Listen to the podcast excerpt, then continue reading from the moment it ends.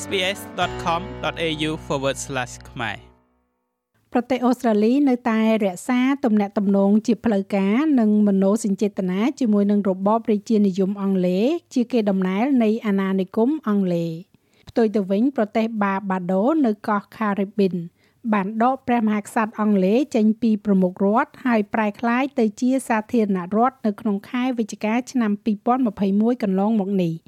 ការសោយទីវង្គតរបស់ម្ចាស់ក្សត្រីអេលីសាបេតទី2នៅក្នុងព្រះជន្មាយុ96ព្រះវស្សានៅថ្ងៃទី8ខែកញ្ញាឆ្នាំ2022នេះ បានចោទជាសំណួរឡើងថាតើរបបរាជានិយមអង់គ្លេសមានតួនាទីអ្វីនៅក្នុងប្រទេសអូស្ត្រាលីបច្ចុប្បន្នចំណងមេត្រីភាពរបស់ប្រទេសអូស្ត្រាលីជាមួយនឹងរបបរាជានិយមអង់គ្លេសគឺជាមរតកនៃអាណានិគមនិយមអង់គ្លេស លោក Campbell Road គឺជាអ្នកស្រាវជ្រាវនៅសារមន្ទីរប្រជាធិបតេយ្យអូស្ត្រាលីនៅទីក្រុង Canberra ពន្យល់ Australia was founded as អូស្ត្រាលីត្រូវបានបង្កើតឡើងជាអាណានិគមនៃចក្រភពអង់គ្លេសហើយដូច្នេះប្រទេសនេះបានខ្ចីឬក៏អនុវត្តទៅតាមទំនៀមទម្លាប់របស់អង់គ្លេសជាច្រើន រួមទាំងនៅក្នុងរដ្ឋាភិបាលផងដែរហើយមួយក្នុងចំណោមនោះគឺរបបរាជានិយម ដូច្នេះព្រះមហាក្សត្រឬក៏មហាក្សត្រីនៃចក្រភពអង់គ្លេសក៏ជាប្រមុខរដ្ឋនៃប្រទេសអូស្ត្រាលីផងដែរព្រះមហាក្សត្រីយ៉ានី Elizabeth Alexandra Mary Windsor គឺជាមហាក្សត្រីនៃចក្រភពអង់គ្លេសនិងអាណាចក្រ Commonwealth ចំនួន14ប្រទេសចាប់តាំងពីរជ្ជកាលរបស់ទ្រង់បានចាប់ផ្ដើមនៅក្នុងខែកុម្ភៈឆ្នាំ1952 ព្រះមហាក្សត្រីអេលីសាបេតទី2គឺជាស្ដេចដែលសោយរាជបានយូរបំផុតនៅក្នុងប្រវត្តិសាស្ត្រអង់គ្លេស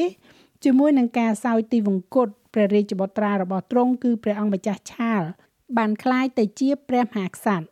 ទ្រង់បានចាប់ផ្ដើមរជ្ជកាលរបស់ទ្រង់ជាព្រះមហាក្សត្រឆាលទី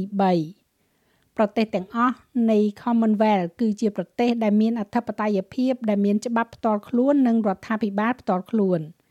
រចនាសម្ព័ន្ធនិងអំណាចរបស់រដ្ឋាភិបាលរបស់យើងត្រូវបានគូបញ្ជាក់ដោយរដ្ឋធម្មនុញ្ញអូស្ត្រាលី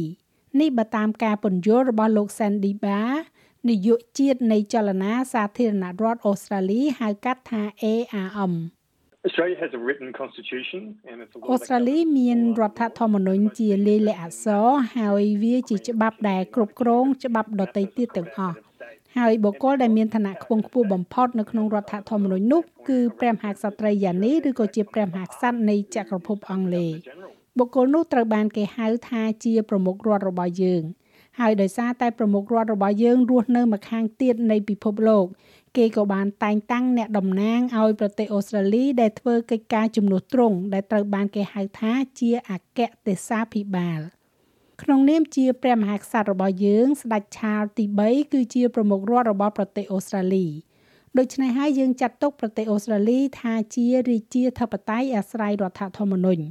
នេះបើតាមប្រសាសន៍របស់លោកស្រី Judith Brett សាស្ត្រាចារ្យនយោបាយនៅសាកលវិទ្យាល័យ La Trobe The head of state is in a sense ប្រមុខរដ្ឋគឺក្នុងន័យជាមុខតំណាងនៅក្នុងពិធី ពួកគេមិនមានអំណាចប្រតិបត្តិទេខណៈពេលដែលប្រមុខរដ្ឋាភិបាលទៅវិញទេ ដែលមានអំណាចនីតិប្រតិបត្តិដូច្នេះមានការបែងចែករវាងប្រមុខរដ្ឋជានិមិត្តរូបដែលតំណាងឲ្យការរួបរวมរបស់ប្រទេស និងប្រមុខរដ្ឋាភិបាលដែលបើកចំហសម្រាប់ការប្រកួតប្រជែង។ តំណាងរបស់ព្រះមហាក្សត្រនៅក្នុងប្រទេសអូស្ត្រាលី គឺអគ្គទេសាភិបាលនៅទីក្រុង Canberra និងដោយទេសាភិបាលនៅក្នុងរាជធានីរដ្ឋនីមួយៗលោក Campbell Road មានប្រសាសន៍ថាព្រះមហាក្សត្រមិនជាប់ពាក់ព័ន្ធដោយផ្ទាល់នៅក្នុងដំណើរការប្រចាំថ្ងៃរបស់អូស្ត្រាលីទេ ហើយក៏លែងមានឥទ្ធិពលដោយផ្ទាល់មកលើសង្គមសេដ្ឋកិច្ចឬក៏រដ្ឋាភិបាលអូស្ត្រាលីទៀតដែរ។ But the Queen does take an interest and is ប៉ុន្តែពិតជាមានការចាប់អារម្មណ៍ហើយត្រូវបានជម្រាបដោយសង្ខេបយ៉ាងល្អអំពីបញ្ហាប្រទេសអូស្ត្រាលីសប្តាហ៍ថ្ងៃនេះទ្រង់ដើរតួជាទីប្រឹក្សានិងជាអ្នកទុកចិត្តរបស់នាយករដ្ឋមន្ត្រីជាជាងអ្នកដែលមានឥទ្ធិពលផ្ទាល់អគ្គទេសាភិបាលត្រូវបានតែងតាំងដោយព្រះមហាក្សត្រីយ៉ានីឬក៏ព្រះមហាក្សត្រតាមការណែនាំរបស់រាជរដ្ឋាភិបាលអូស្ត្រាលី។ ជាធរមានពួកគេបំរើជាអនុប្រធានរបស់រាជវង្សនៅក្នុងប្រទេសអូស្ត្រាលីដោយតែងតែធ្វើតាមការណែនាំរបស់រដ្ឋាភិបាលជាប់ឆ្នោតក្នុងនាមរបស់ព្រះមហាក្សត្រ Once upon a time, they were appointed by the កាល British ពីយូរលង់មកហើយពួកគេត្រូវបានតែងតាំងដោយរដ្ឋាភិបាលអង់គ្លេសប៉ុន្តែយូរយូរទៅយើងបានផ្លាស់ប្ដូរនិងវិវត្តន៍ដូច្នេះឥឡូវនេះរដ្ឋាភិបាលអូស្ត្រាលីធ្វើការតែងតាំងនេះ វាគ្រាន់តែជាការដែលរដ្ឋាភិបាលឬក៏គណៈរដ្ឋមន្ត្រីជ្រើសរើសបុគ្គលដែលពួកគេចង់បាន ហើយដែលជារឿយៗមានន័យថានាយករដ្ឋមន្ត្រីជ្រើសរើសបុគ្គលដែលពួកគេចង់បានហើយបន្ទាប់មកព្រះមហាក្សត្រីយ៉ានី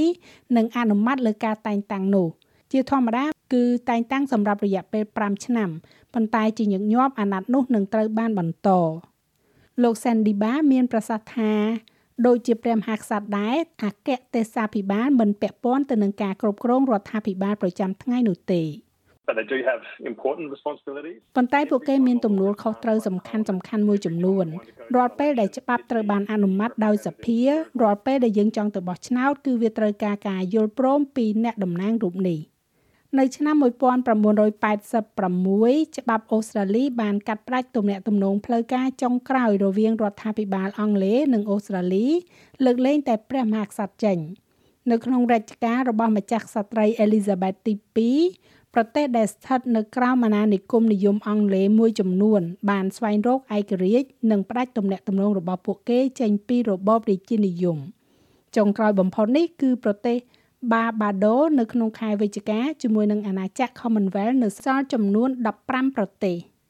មនុស្សជាច្រើនមានអារម្មណ៍ថាអូស្ត្រាលីបានធ្វើគម្រោងការនៅក្នុងស្មារតីនៃសាធារណរដ្ឋរួចទៅហើយ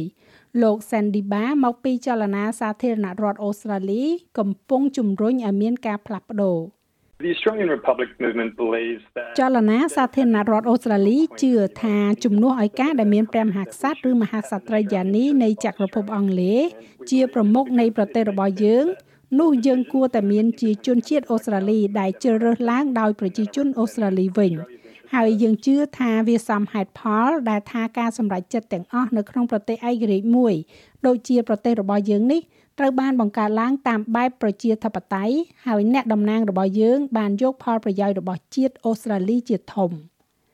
ដូចគ្នានេះផងដែរជាលើកដំបូងនៅក្នុងប្រទេសអូស្ត្រាលីដែលរដ្ឋាភិបាលបក Labor បច្ចុប្បន្នបានតែងតាំងលោក Matt Thithledvet ជាជំនួយការរដ្ឋមន្ត្រីសម្រាប់សាធារណរដ្ឋលោកស្រី Judith Brett មានប្រសាសន៍ថាមនោសញ្ចេតនាចំពោះរាជានិយមអង់គ្លេសក៏កំពុងតែផ្លាស់ប្ដូរដែរ ជាមួយនឹងកន្លែងដ៏កកកុញនៃជនដែលល្បីល្បាញមកទស្សនានៅប្រទេសអូស្ត្រាលីសូម្បីតែភាពឃ្លាវខ្លាជុំវិញដំណើរទស្សនកិច្ចរបស់រាជវង្សនោះគឺមិនសូវខ្លាំងក្លាដោយកាលពីប៉ុន្មានទសវត្សរ៍មុនទេ I think, you know, in the early 1950s when ខ្ញុំគិតថានៅដើមទសវត្សរ៍ឆ្នាំ1950នៅពេលដែលអារម្មណ៍ដែលមានចំពោះរាជាធិបតេយ្យគឺខ្ពង់ខ្ពស់ណាស់នៅពេលដែលម្ចាស់ក្សត្រីអេលីសាបេតនិងព្រះអង្គម្ចាស់ហ្វីលីបបានមកទស្សនកិច្ចគឺស្ថិតនៅក្នុងបរិបទនៃដំណើរទស្សនកិច្ចភ្លាមភ្លាមបន្ទាប់ពីសង្គ្រាមនិងការធ្លាក់ទឹកចិត្តហើយពេលនោះពួកទ្រង់ប្រៀបដូចជាតារាល្បីនៅទូទាំងពិភពលោកខណៈពេលនេះ ជាមួយនឹងការធ្វើដំណើរតាមផ្លូវអាកាសញឹកញាប់ជាងមុនវាមានឥទ្ធិពលមិនដូចគ្នាទៀតនោះទេប្រសិនបើអូស្ត្រាលីคล้ายទៅជាសាធារណរដ្ឋយើងអាចបោះឆ្នោតជ្រើសរើសឲ្យបន្តស្ថិតនៅជាផ្នែកមួយនៃប្រទេស Commonwealth បាន ដែលជាឧទាហរណ៍ប្រទេសឥណ្ឌាបានធ្វើរឿងបែបនេះហើយដូច្នេះតើសាធារណរដ្ឋនឹងមានរូបរាងយ៉ាងណា លោក Sandy Ba និងចលនាសាធារណរដ្ឋអូស្ត្រាលីបានព្យាយាមឆ្លើយនៅសំណួរនេះ។ So we've been consulting the broad Australian យើងបាននឹងកំពុងពិគ្រោះពិភាក្សាជាមួយនឹងសាធារណជនអូស្ត្រាលីដ៏ទូលំទូលាយអំពីអ្វីដែលនឹងមានជារូបរាងហើយយើងនឹងមានការប្រកាសអំពីរឿងនេះនៅពេលប្រមាណខែខាងមុខចលនាសាធារណរដ្ឋអូស្ត្រាលី ARM បានប្រកាសពីគំរូ model នៃការជ្រើសរើសរបស់អូស្ត្រាលីឬហៅថា Australian Choice Model នៅក្នុងខែមករាឆ្នាំ2022 វាពិពណ៌នាអំពីការផ្លាស់ប្ដូរដែលត្រូវធ្វើចំពោះរដ្ឋធម្មនុញ្ញអូស្ត្រាលីដូច្នេះប្រមុខរដ្ឋត្រូវបានជ្រើសរើសឡើងដោយប្រជាជនអូស្ត្រាលីចាស់ហើយរបាយការណ៍នេះចងក្រងឡើងដោយ Melissa Companoni និងប្រាយសម្រួលសម្រាប់ការផ្សាយរបស់ SPS ខ្មែរដោយនាងខ្ញុំហៃសុផារ៉ានីចុច like share comment និង follow SPS ខ្មែរនៅលើ Facebook